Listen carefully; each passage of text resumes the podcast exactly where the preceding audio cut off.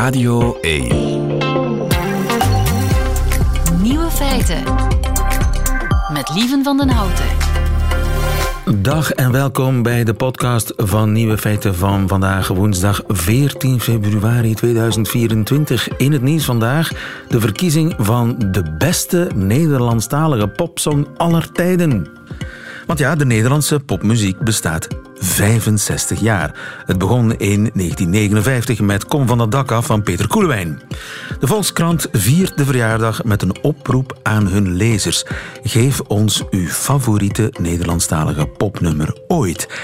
En zo hebben ze een top 100 kunnen maken. Zullen we eens kijken naar de top 3? Dit staat op 3.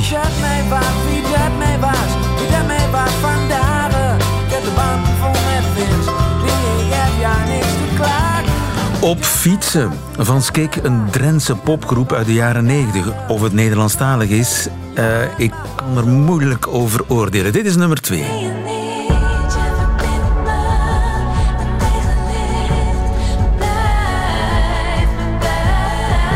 Ook hierin is moeizaam Nederlands te herkennen. Bitterzoet van de Nederlandse Eefje de Visser, die in Gent woont overigens.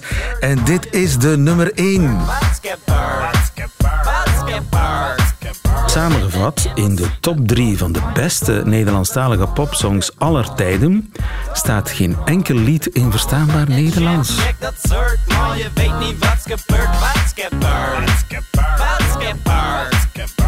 Dit zijn de andere nieuwe feiten vandaag. Windenergie hoeft niet met molens, kan ook met vliegers.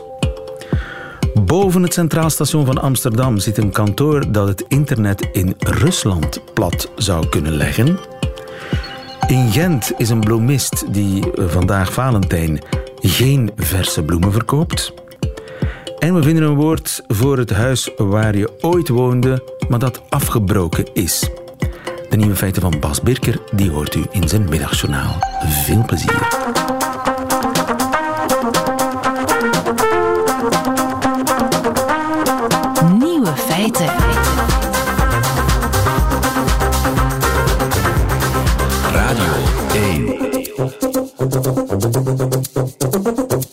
Zijn bloemen nu ook al slecht voor het klimaat? Bloemen, Lisa van Puinbroek, goedemiddag. Ja, goedemiddag. Hallo, dag lieven. Lisa, jij bent duurzaam bloemist. Duurzaam bloemist, kan ik bij jou een boeket rode rozen bestellen vandaag? Uh, nee, nee, vandaag kan je dat bij ons niet doen, nee. Wat is er mis uh, met mijn boeketje rode rozen? Doet dat ook al de poolkappen smelten?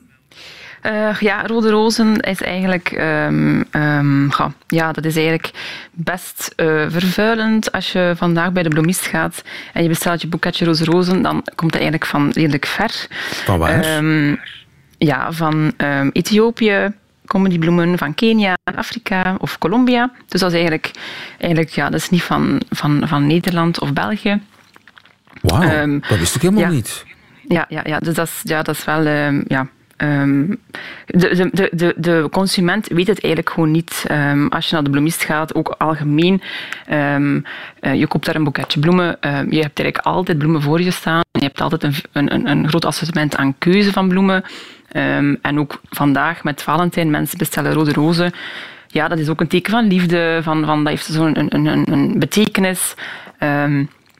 maar eigenlijk heb je ook veel andere duurzame leuke alternatieven dat je kan geven voor Valentijn. Ja. Maar natuurlijk, als je een boeketje krijgt, is dat leuk natuurlijk. En ik ga ook niemand... Uh, je gaat het plezier ja. niet vergallen, Ja. maar ik heb nu wel het beeld van een eenzame ijsbeer op een drijvende ijsschots ergens. Ja. Ja. In de buurt van de Noordpool. Dat doet het plezier wel wat, uh, wat verminderen. Ja. Dat is wel nefast voor de feestvreugde, voor de Valentijnfeestvreugde. ja, eigenlijk wel. Ja. Nu, uh, dat geldt, neem ik aan, niet alleen voor rozen, maar ook voor tulpen bijvoorbeeld. Ja, um, goh, ja dus, dus, um, de tulpjes zijn eigenlijk um, vanaf maart bloeien die eigenlijk.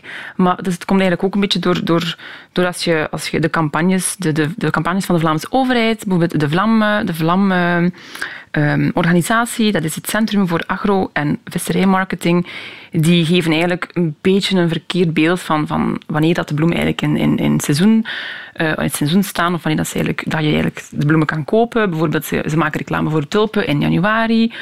En eigenlijk bloeien die pas in maart. Dus het is een beetje ehm, door de ja, misleidende campagnes van de overheid. En ook ja, als je naar de bloemist gaat, ik zou gewoon ook vragen aan de bloemist van kijk, van waar komen mijn bloemen? En als je nu het maakt, uh, in algemeen dan, van kijk, uh, komen ze van... Dat, dat je gewoon een beetje informatie vraagt van kijk, heb je een duurzaam alternatief? Van waar komen mijn bloemen die je nu maakt? Um, komen die van België of Nederland? Um, dat is ook hetzelfde met, met, met fruit en groenten. Als je aardbeien in de winter koopt, ja, dat klopt niet. Hè. Mensen nee, zijn gewoon veel bezig met eten. Uh, ja, dat, klopt dat, niet, dat, klopt niet helemaal.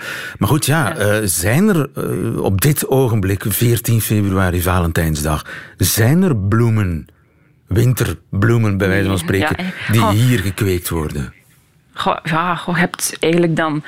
Dan zou ik bijvoorbeeld gaan voor, voor helleborus. Um, dat is een mooie winterplant. Ja, dat is zo'n winterplant. Je kan dat ook in snijbloem krijgen, maar dat is dan redelijk kort van stengel. Um, je kan dat dan eigenlijk in een pot krijgen. Dat is natuurlijk anders. Dat is misschien niet zo leuk als rode rozen. Um, maar dat is wel een tof cadeau. Als je zegt van ik geef een, een mooie pot helleborus, dan kan ze dat achteraf, kunnen ze achteraf nog in de tuin planten. Dat is ook winterhard. Um, je hebt dat van wit tot donker bordeaux, dus daar hele leuke, hele mooie kleuren in. Ja, gewoon van wit tot lichtroze en bordeaux. Dat is ook wel een hele mooie bloem. Ja, en, en is, ook, ja. kun je daarmee dan een volledig Valentijnsboeket dat indruk nee. maakt uh, maken? Ja, goh, eigenlijk, goh, eigenlijk, eigenlijk wel. Want ja, dat is wel ook een hele mooie bloem. En achteraf heb je er nog plezier van in de tuin. Um, het is natuurlijk anders. Het is, het is, ja, het is geen, geen rode roos. Um, en, en achteraf plezier dan, in de tuin? Ik bedoel, als je een pot koopt... Ja, ja. als je een, een, een, pot koopt, kan dat dan nog planten. Want snijbloem in helleboris is niet zo makkelijk, want de stelen zijn ook kort. Dus dan is het redelijk, een redelijk kort boeket. Maar je kan ook een heel mooi, ja, als je zegt van ik wil dat graag, een mooi helleborisboeket. Um, met, met wat takken, gedroogde takken of, of meer met droogbloemen. Maar dan moet je daar ook al gaan kijken van als je droogbloemen kiest, dat het ook duurzaam is. Dus dat is ook wel nog een hele tak daarnaast. Um, er zijn ook niet duurzame droogbloemen? Nee, ja, nee. nee. Uh, nee. Dat is dan meer geverfd. Of geverfd? Ja, ja, ja. ja. Dus dat, is, dat uh, komt voor? In felle kleuren. Ja, ja dat is in paars, in het roos, in het, uh, ja, alle kleuren van de regenboog. Uh, of met blinkers of met glitters. Allee, al die dingen. Maar ja, dat ja, is eigenlijk niet uh, natuurlijk. Maar ja, um, jouw, jouw bloemenwinkel biedt dan maar een povere aanblik vandaag. Goh, het, valt, het valt mee. We verkopen mooie droogboeketjes. Droogboeketten, um, ja. Dus ja, ik moet eigenlijk een droogboeket kopen nu, vandaag, ja, voor Valentijn. Ja. ja, als je eentje koopt, dan kan je bijvoorbeeld um, ja, met, met mooie stroobloemen... Um, ja, het is like dat ik zeg, nog een verschil tussen een, een duurzaam droogboeket of, of een, een droogboeket dat je koopt. Want de meeste mensen denken dat dat sowieso duurzaam is, maar eigenlijk is dat Um, niet altijd, omdat, zoals ik zeg, dat het ja. dan gebleached is, geverfd is. Ja, en dat is natuurlijk um, ook niet de bedoeling. Kan ik er uh, uh, toffe grassen tussen knallen? Ja, ja, ja, ja zo mooie mistkantusgrassen, uh, bloesems misschien ook al. Je kunt eigenlijk droog en vers een beetje mixen. Um, ja, sneeuwklokjes dat er nu ook al. Natuurlijk, dat zijn wel kort van steel, maar je kan wel echt leuke dingen maken. Je moet dan een beetje, ja, als bloemist een beetje creatief zijn ook. Um, om zo wat uit te springen. Dat, dat maakt ons, ons atelier ook wel wat specialer misschien. Als mensen bij ons een boeket bestellen, dat zijn mensen die dan wel weten van kijk, we willen voor milieu, we willen erop letten. Um, dus dat, dat is eigenlijk wel... Allee, um, je, kan altijd wel iets moois maken, maar bij ons kunnen ze vandaag alleen maar droogboeketten krijgen. Um, en als ze bellen voor rode rozen, ja, dan denk ik nee, sorry, dat, dat doen we niet. Dat, uh, dan, dan sturen jullie nee. door ja. of bieden jullie uh, alternatieve, uh, duurzame alternatieven aan Lise van Puinbroek van een duurzaam bloemenatelier Into the Wild in Gent. Dankjewel, nog een fijne dag. Ja, dankjewel, dag. Hm. Het ontbreekwoord. Rick de Leeuw gaat op zoek naar woorden die in onze taal helaas nog niet bestaan. Want het is woensdag. Goedemiddag, Rick de Leeuw. Goedemiddag. Rick, vorige week kwamen wij tot meerschijn. Wat is meerschijn ook alweer? Uh, dat is het, het gevoel dat op het moment dat je uh, een nieuwe auto koopt, je opeens dat type auto overal ziet. Iets wat dus je eerst niet kende, zie je plots overal. Zit. Juist, Precies. Ja. En zo hebben we ook al uh, paniekdozen. Ruud Hendricks. Het opruimen, het, ja. het, snel opruimen binnen een minuut. tussen dat er aangebeld wordt onverwachts. En je denkt de kamer is een puinhoop. Paniekdozen. Denkt, nog even ja. snel die dingen weg. Dat is een heerlijk werkwoord. Ruud Hendricks, ook een goedemiddag. Goedemiddag, heren. Ruud, jij bent uh, hoofdredacteur van Vandaag Mhm. en uh, scherpzinnig jurylid. Altijd. Die de discussie af en toe optilt naar een taalkundig niveau. En daarvoor zijn we jou heel dankbaar. Mhm. Um, uh, kraaiennest hebben we ook al zo gevonden. Oh, ook zo'n prachtig woord. Prachtig woord. Hè, van uh, zo, de, een, een, een bijeenkomst afspeuren. Om te zien van waar zitten nog interessante mensen met wie ik zou kunnen spreken. Terwijl je eigenlijk een gesprek aan het voeren bent met ja, iemand anders. Ja, dat het is kraaiennest ja, aan dat het is speuren. Waar zitten, waar zitten Ja. nog belangrijkere mensen? Ja. Heel vervelend als je met zo'n kraaiennester Ja. aan het praten bent. Goed, um, we hebben een, een, nieuwe opdracht gekregen vorige week van uh, Rick. Rick, wat, hoe luidde die ook alweer? We waren op zoek naar een woord voor een plek die, je alleen nog maar in je, die alleen nog maar in je herinnering bestaat. Het huis waar je vroeger gewoond hebt en dat inmiddels dus ingrijpend verbouwd is of zelfs volledig gesloopt, zoals in mijn geval vaak gebeurd is. Ja, ja, ja mm. natuurlijk. Zo'n plek kennen we allemaal. En uh, er is wat binnengekomen, neem ik aan. Uh, wederom kregen we meer dan duizend suggesties binnen van de luisteraars, inderdaad. Meer mm. dan duizend. Meer dan duizend. Ben je tot ja. een soort van top 7 gekomen? Ja, ja, ja, maar ik zal eerst een, een, een, kleine greep doen uit wat ooit was en niet langer is. Um, een hersennest, een gruishuis, een retouroase, een eerder plekje, een knushut, een spookspot, een Fata Vergana. Fata Vergana, prachtig. Een Fata Vergana. Ruud, onthoud ze, je mag ze kiezen, je mag ze kiezen. Een mijmer, Kans is klein. Een, mijmer, een mijmerplaats, een heimweestee, een geheugenpaleis, een peperkoekenplek, een Kortom, het zijn allemaal footsie-locaties. Footsie-locaties. Ik, ik zou ze allemaal willen bijhouden. Ja. Ik, ja. Heerlijk. Uh, maar dus, Heerlijk. En dan komt niet, de top 7 nog. Dan moet de top ja. 7 nog komen. Luister.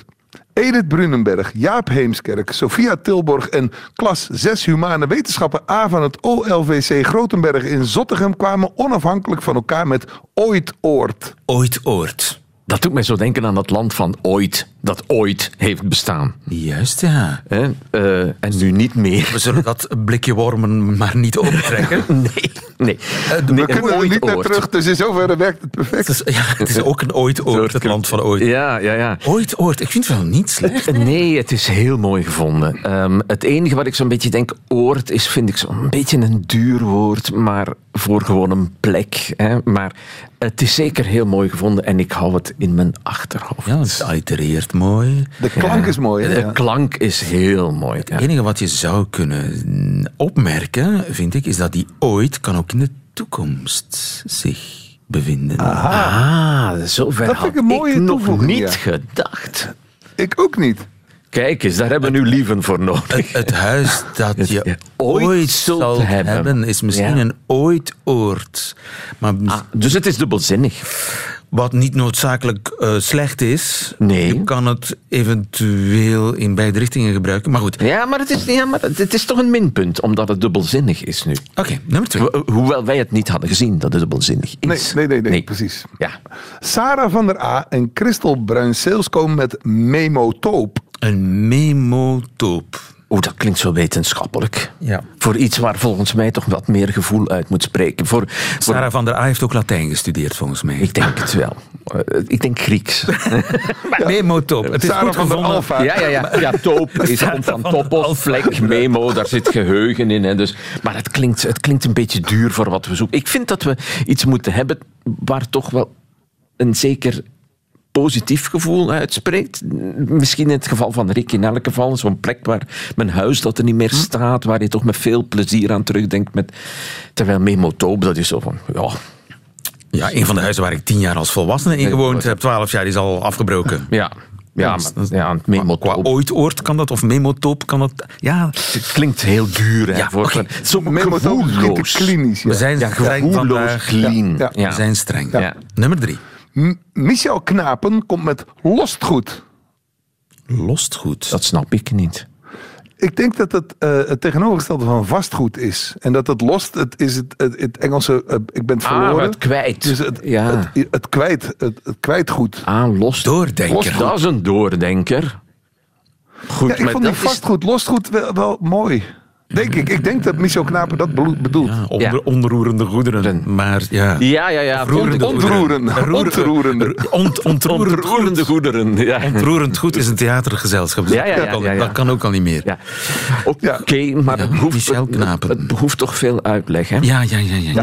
Oké. We horen het al, we horen het al. Leen van Bever, Lodewijk Trees, Fons Klaatsens en Pascale de Vreese komen onafhankelijk van elkaar met Droomoord.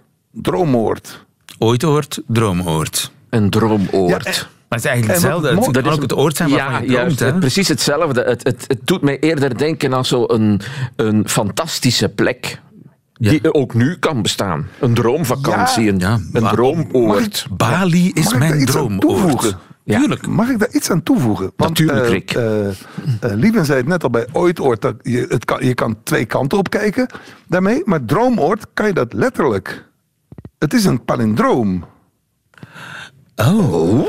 En dat maakt het mooi. Dus je, je, je kijkt als het ware terug in het woord. Dus eh, je, je kijkt terug. Het is retrospectief. Dat vind ik zo mooi eraan. Een palindroom. Droommoord, droom. Je kunt Een omdraaien. droomoord. Ja, ja, maar hij heeft gelijk hoor. Het is een palindroom. Je kunt het achterstevoren lezen en Ja. het blijft dezelfde Het is betekenis prachtig, maar of het zal helpen, dat eh valt Ja, weer te ja, weet je, het, ja, dat, ehm, ja, het is weer mooi gevonden, maar ik, ah, ik vrees, Ik hoor dat, het al, ik hoor ja, het al. ik vrees dat het weinig kans heeft om echt opgepikt te worden in die betekenis die wij zoeken. Hè. Ja. We hebben er al vier gehad en nog geen enkele keer eh, Ja. is eh, Ruud Hendricks echt enthousiast. Opgesprongen. Maar we hebben, we, hebben al wel, we hebben al wel palindroom mogen zeggen. En dat is ook nou, wel ja, ja. Da, Dan, da- ga ervoor zitten. Danny Bervoets, Frank Bruinserade, Tom Olieu, Hans Lamoot, Suzanne van Poeken, Wim Verstraeten, Lies, Lies Ties, Jan de Krameren, Hans Ruben, Stefan Raamakers, Peter de Kombel, Christel Willemsen, mijn Anouk voeten even op tafel intussen. Lise Kikkens, Frank Droogmans, Mia Franke, Sandra Albrechts, Marjolein Verbeek, Issat Saglam, Tino Don Porto Carrero, Carine van der Vorst, Jan Zwanepoel en twintig anderen komen onafhankelijk van elkaar met Fantoomplek. Oké, Fantoomplek. Een fantoomplek. Is eigenlijk zeer goed. Is, ja, is zeer goed. Sorry dat ik het in jouw plaats zeg. Ja, maar het is ook zeer goed. En ik zal zeggen waarom. Eh, omdat ehm, natuurlijk, je, je weet zo al als, als zo'n waslijst van mensen dit noemen, dat betekent dat heel wat mensen het gewoon zullen accepteren. Dat het een doodgewoon woord is waar mensen kunnen zeggen, oh ja, juist. Toch. dus ik, ik Het moet volk. altijd- het volk moet- ik, moet altijd wikken en wegen. het- en, de, en kwantitatief, de kwantiteit ja, ja, ja, is dat ook is belangrijk. belangrijk. Dat is heel belangrijk om een woord ingang te doen vinden. En daar gaat het uiteindelijk om. Nu, bij fantoomplek zit bij mij fantoompijn in de weg. Het zit niet in de weg, dat, dat versterkt het. Fantoompijn is pijn in het been dat er niet meer is. Ja, Dus maar ja, is er- ja, in is- die zin. Is er is, er, is een plek die er niet meer is? Ja, jij ziet het als versterkend. Bij mij zit het in de weg. Maar goed, ehm, maar het, het is Zijn er andere woorden met fantoom? Oh ja, er zijn honderden woorden een met paradigma? fantoom. Het is, ja, zeker. Het is een paradigma, om ook dat woord te Noemen ze een ander woord met fantoom? Oh, het, het, het woordboek staat vol. Moment, ik haal mijn woordboek er even bij. Ruud, wacht even. Wacht ik haal even, het woordboek erbij. Ehm, dat, eh, dus daar staan eh, een heleboel voorbeelden. Ik ga even eh fantoom. Bijvoorbeeld een fantoomdiscussie, fantoomfactuur, fantoomgeluid, fantoomgraf, fantoommunt, fantoompaard, fantoomrekening, fantoomrepubliek, fantoomschip, fantoom. Dus die fantoomplek past daar toch perfect Dat tussen? Perfect bij. perfect. Ehm, maar ja, bij mij zit daar. ehm, ja, ik weet niet waarom. Oké, maar oké, goed, ik leg mij daar helemaal bij neer. Fantoomplek is een fantastisch woord hiervoor. Goed geslapen vannacht, eh, Ruud? O jawel. Oh, ja, Oké, nog twee te gaan. Jawel, Nog twee te gaan. Ja, nog beter aan. Stijn... Stijn Dert komt met een Atlantis. Een Een Atlantis. Dat is mijn Een Atlantis. Atlantis. Dat is ja, zo, De, Ja, de verloren stad. Eh, verloor een mythische plek ook. Hè? Ja, ja. Ja. Ja, ja maar, ja, maar oké. Goed. Atlantis plek. Mijn Atlantis Atlantis huis. plek. Nee, mijn Atlantis. Mijn Atlantis. Mijn Atlantis. Oké, heel Het poëtisch. is heel poëtisch, maar Het wordt ook wat dramatisch misschien. Het- te- ja, ja, het is heel dramatisch. Dat is het zo van, het is echt zo'n mythische plek waar die we nooit meer terugvinden. Ja, dat is het natuurlijk ook wel. Oké. Maar als ik dan weer moet gaan kijken naar de andere, en dat moet ik doen, wikken en wegen, dan denk ik, ja, zo'n samenstelling als fantoomplek is veel doorzichtiger. Ja. Ja. Dus een Atlantis, dat is weer iets wat je een heleboel mensen misschien moet uitleggen. Ja. Misschien, hè? Misschien. Nog één. Dus, Nog één. Maar, maar Eh, goed, dat, dat zijn allemaal goede, waardevolle suggesties natuurlijk. Nog één. Philippe Dossen komt met Nostalgistan. Nostalgisch dan. Dat kun je volgens mij alleen maar niet menen. Nostalgisch dan. Dan. Ja, weet je dat niet? Dat is zoiets absurdistan. Dat is ook een plek die niet bestaat. Dat heeft altijd, daar zit zoiets denigrerends in. Van, hè, van absurdistan is een plek waar België is een absurdistan waar eigenlijk niks deugt. Ja. Ehm, Verwegistan is ook zo'n beetje een denigrerende Het aanduiding. is nooit een huis, hè? Een stam. Nee, Een nee, nee. stam nee. is, is minstens, waar, minstens is een waar. dorp. Minstens. Ja, ja. Eigenlijk een land. Nostalgistan, dat is, dat is inderdaad een Ja, plek heel ver weg. Ik kan me voorstellen, hè, stel, ik Maar- ben ooit eh, ik ben opgegroeid in, weet ik veel, eh, Turkije. Dat Ja. Turkije mijn nostalgisch dan is. Dat ja, zou kunnen. Ja, want hoe je het Maar ook dat draait of bestaat keert, nog. het, het roept iets van een, een islamitische plek op, vind ik. Eh, al die stannen, die, die zitten daar in het Verre Oosten. Ja. Dus Ja, dat is ook al. Ja, ja. Maar we het- hebben ze wel al vaak- alle zeven gehad, hè, meneer Hendricks? We hebben alles even gehad, ja. Ja, ja, ja, ja, natuurlijk. Maar ik ga daar een keuze uit maken. Oké, ik ben benieuwd. Waaruit kies je? Ik roffel zelf. Ik kies toch voor de fantoomplek. Ja, De fantoomplek. Ondanks het matige enthousiasme van de hoofdredacteur van Vandalen. Maar het grote draagvlak bij Het draagvlak de is er. luisteraar, de, de suggereerders. Ik vond het ook het beste woord. En misschien, eh, Rick, jij ook. ik ook, ik ook, absoluut. Dus dan eh, zijn we heel blij met Fantoomplek. En we feliciteren alle 768 eh, ins- indieners. Die ja, allemaal zijn opgesomd door Rick de Leeuw. Rick, we hebben Ja. een nieuwe opgave nodig. Heel graag. Eh, het is me deze week weer eens overkomen. Het komt, overkomt me vaak. Je loopt naar de keuken om even snel iets te pakken. Maar als je, in de keuken binnen, als je de keuken binnenloopt, weet je niet meer wat je daar precies ging doen. Wat kwam ik hier ook alweer doen? Precies. Wat was ik ook alweer van plan? Juist. In, in 2016 is er een onderzoek naar gedaan. Naar dit, en, daarin werd dit fenomeen het deurstijl-effect genoemd. Heb jij er wel eens van gehoord, Ruud? Nee, nog nooit. Het Nooit. Woordenboek? deurstijl-effect. Het woordenboek dus ook niet. Als ik er niet van heb Nee. gehoord, dan ook het woordenboek niet. Hij is het wandelende woordenboek. Maar wat heeft die deurstijl daarmee te maken? Ja, ja, vraag ik me ook Ik denk dat als je, eh, als je in een andere kamer komt, eh, heb ik begrepen. Dus je komt in een nieuwe kamer, dan gaat je brein proberen die nieuwe omgeving zich eigen te maken. En dan vergeet hij eigenlijk de vorige. Waardoor je eh, eh, Ja. logischerwijs ook vergeet wat je in die vorige Je kamer bent nog van, dacht. van je- context veranderd Anders. en, en dus Precies, je geheugen ja. heeft dat niet Ja. opgeslagen. Dus vandaar dat je eigenlijk naar de vorige plek, die context, terug moet.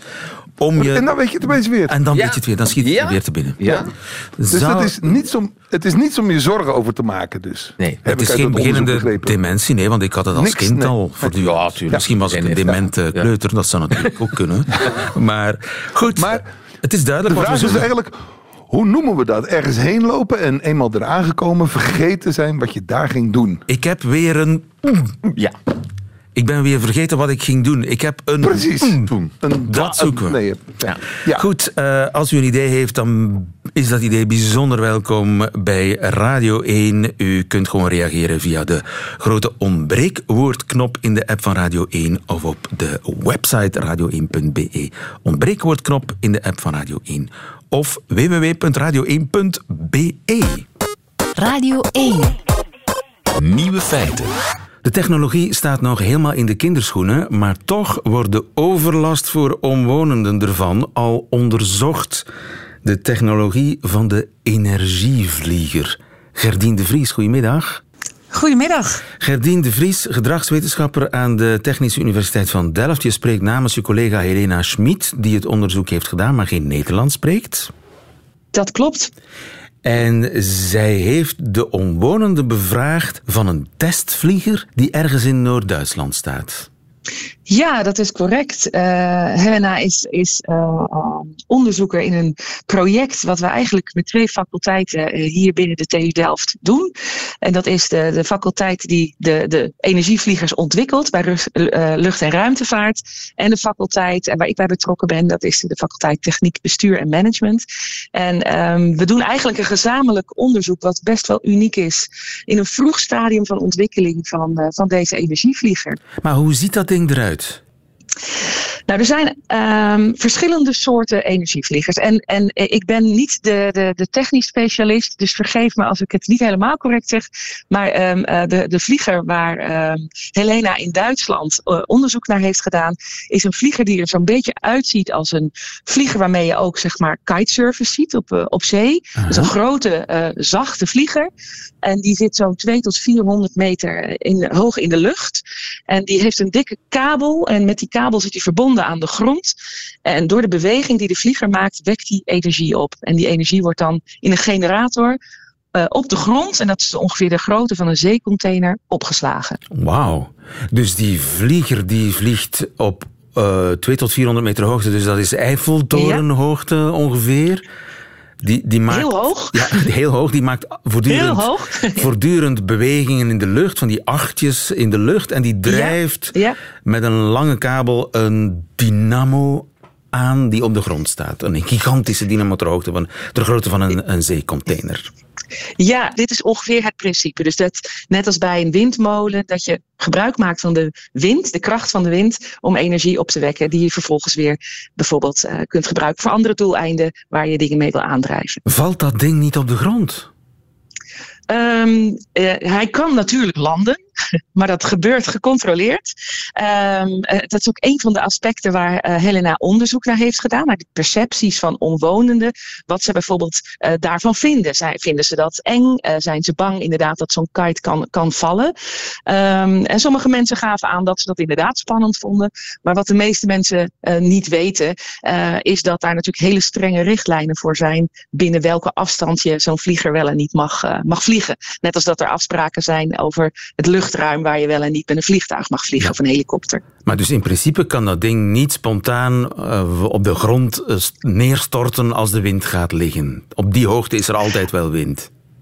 Het, ja, en het is, het is ook helemaal gecontroleerd natuurlijk door, door, uh, uh, door, die, door de techniek zelf en de wetenschappers nu die ermee bezig zijn. Die zijn dat soort dingen ook vooral aan het testen. Omdat dat natuurlijk ook een heel belangrijk aspect is van, uh, voor, voor, voor het verkrijgen van vergunningen. Juist. Dus, dus dat moet nog dat maar in de praktijk wordt blijken. daar alles aan gedaan. Ja, juist. Dat moet nog maar in de praktijk blijken of dat ding echt werkelijk vol continu hangt te fladderen. Ja, en ik, en ik geloof ook wel, want daar zijn ze dus, ja, dat is nog geen uitgekristalliseerde technologie, zijn ze ook wel mee aan het testen. Dat er ook bepaalde momenten zijn dat ze, uh, dat ze met de vlieger werken. Dus het kan best zijn dat dat maar één bepaald moment op de dag is dat de wind ideaal is. En, en dat die voor de rest de van de tijd. Juist, ja. Nu, ja, ja, ja. Uh, worden de mensen daar blij van, van zo'n gigantische energievlieger in hun achtertuin?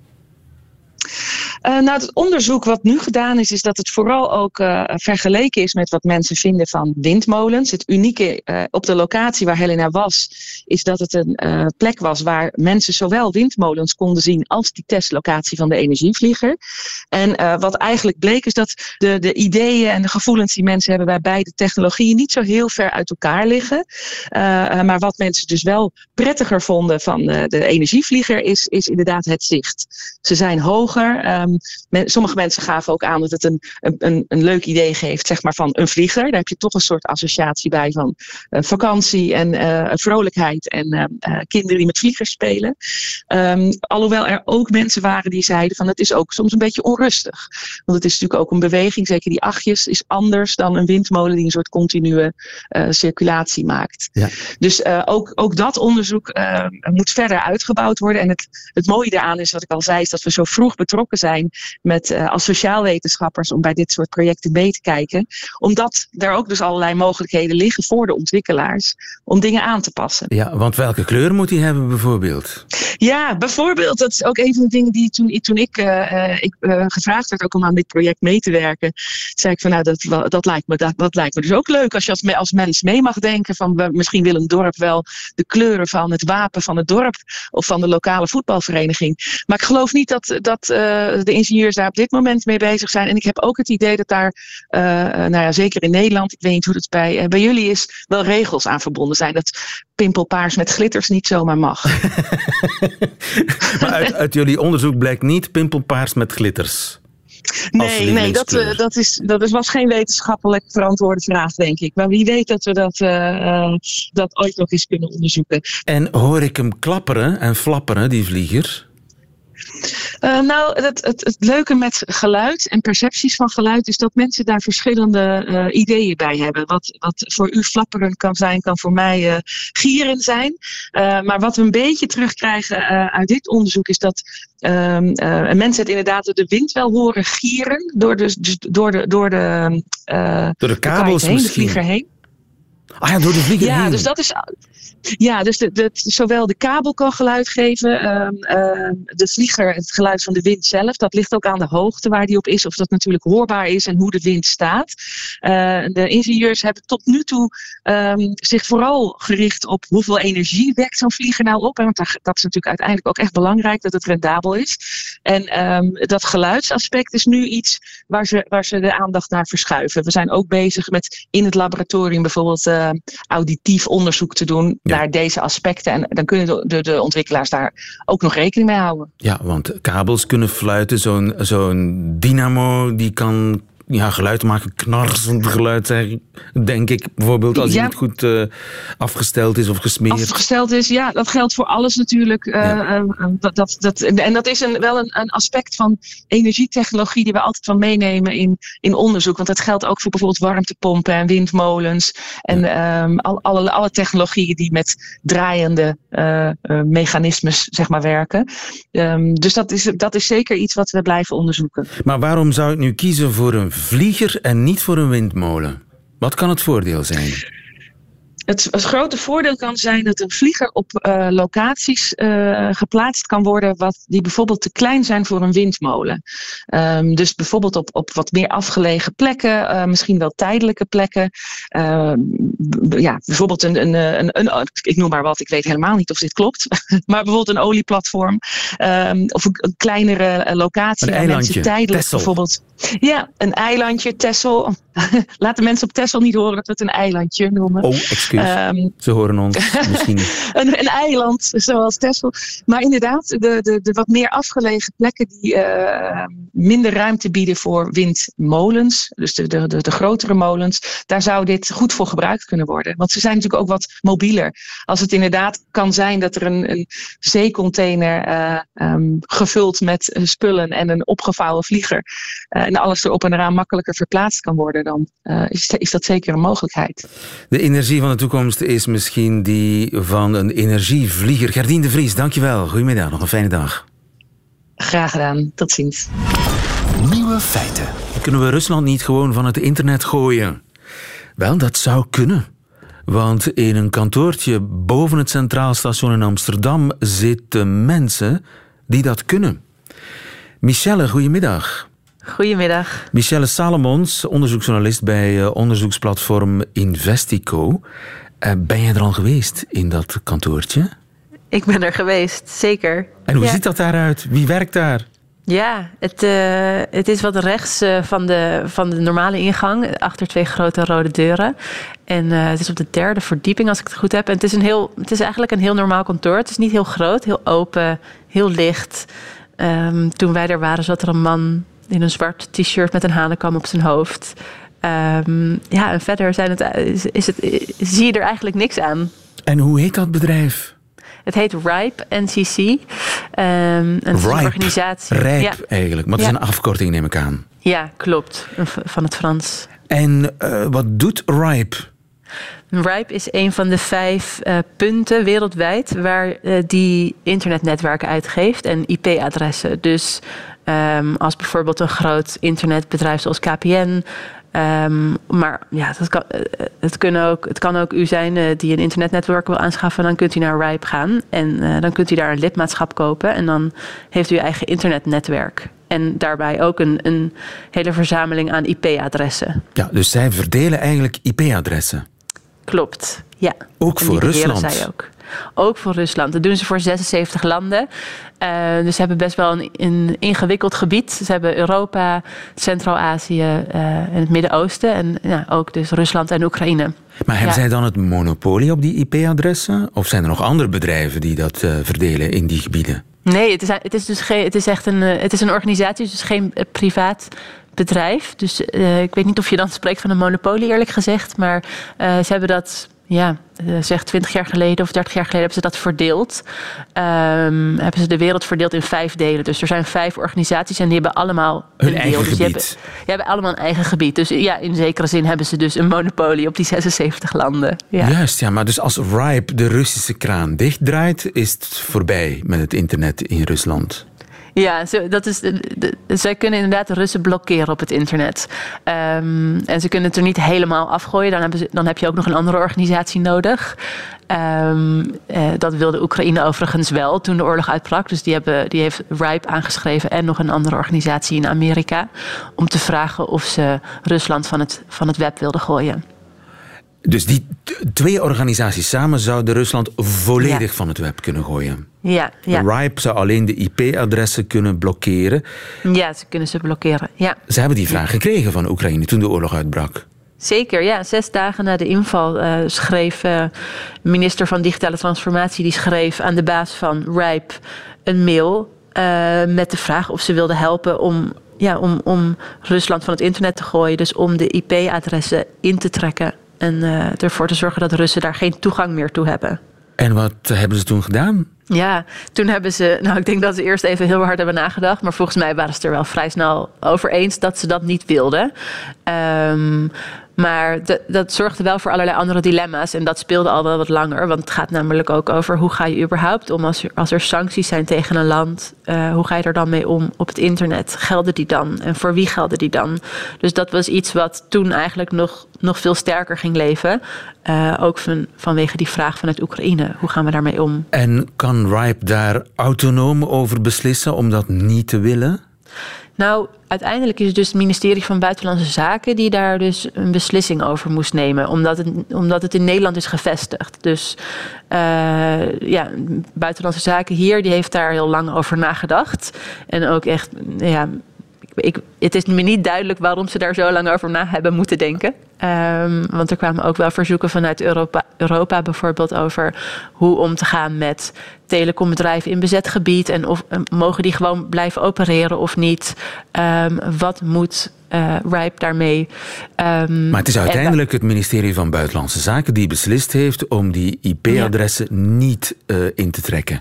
Ja. Waarom niet? Ja, dat heeft te maken met een angst die, uh, waar ik eigenlijk zelf helemaal niet bekend mee was. Maar in de internetwereld is dat een, een, hele, een angst die heel diep zit. We zijn namelijk heel erg bang dat het internet uit elkaar valt. Uh, en allemaal, ja, dat het, dat het wat meer wordt afgebakend aan de hand van landsgrenzen. En is nu natuurlijk, nu denken we dat het een soort van parallele, parallele wereld is.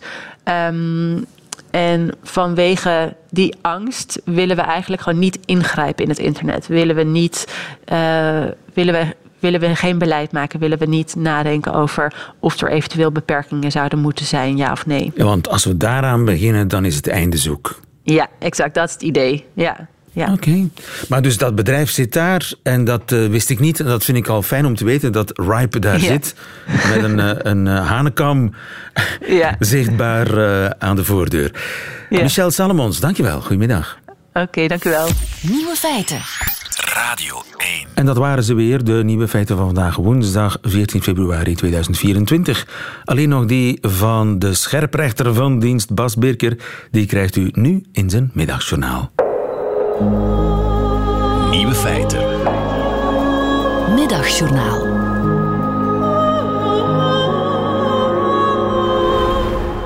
Liefste landgenoten. Er zijn van die dagen waarvan je het verloop op voorhand kan voorspellen. De eerste dag lekker weer bijvoorbeeld. Elk jaar heb ik medelijden met de verslaggever die het park in moet om te vragen of de mensen genieten van het lekkere weer. Ik wacht nog altijd op de man die antwoordt waarom ik in het park lig. Ik woon hier. Ik vind geen betaalbaar huurhuis en sinds mijn scheiding dwingen mijn financiën me om buiten te slapen. Waarom in een zwembroek? Omdat mijn ex me helemaal heeft uitgekleed. Je kunt de reportages over nepkortingen voorspellen bij de start van de solde, als ook sfeerverslagen op de eerste schooldag en de laatste Sinterklaas, Blue Monday, Black Friday en de verjaardag van Joe Biden. Deze tachtiger werkt harder dan ooit. Wij spraken met Roger, die op zijn 79ste nog elke week een uur thee inschenkt bij FC Oost-Rozebeke. Vandaag is het Valentijn. Naamdag van Valentinus van Rome, beschermheilige van de geliefde en de imkers. Aparte combinatie. De een wordt geprikkeld en de ander wordt geprikt. Ik snap niet dat er niet jaarlijks bij imkers wereldwijd postzakken vol honing-appreciatiekaarten worden bezorgd. Ik geef je een dikke zoom. You are my honey. Of wil jij mijn raadje vullen? Daar moet toch een markt voor zijn. De oogst valt tegen dit jaar. Ik vond hooguit vijf artikels over Valentijn, een diepgravend stuk over happy single Karen Dame meegerekend. Het zijn blijkbaar dermate sombere tijden dat voor liefde geen plek is in de krant. Voor ruzie wel, maar genoeg over het Antwerp Schepencollege. En toch konden we allemaal deze dag voorspellen. In 50% van de huishoudens hangt een spanning omdat de ene partner teleurgesteld is in de andere, die Valentijn weer vergeten is en dan maar zegt dat hij of zij niet meedoet aan die commerciële onzin. Ik zeg hij of zij omdat het 2024 is. Maar het is hij omdat het altijd 1950 zal zijn. Op elk kantoor was er een Dirk vijf minuten later om dan gekscherend te zeggen dat hij de deur niet uitgeraakte met al die postzakken. Gekke Dirk, waar blijft hij het toch halen, hè? Volgens Wikipedia is liefde diepe acceptatie van en genegenheid voor, welgezindheid tot of toewijding voor een ander of eventueel zichzelf. Het kan ook betrekking hebben op een dier, zaak of voorwerp. Ik eet vanmiddag de pralines uit het hartvormig doosje dat ik gisteren kreeg na een optreden. En dan ga ik diepe acceptatie en welgezindheid voelen voor mezelf, mijn huurhuis en alle imkers. Want bij zijn is blij zijn.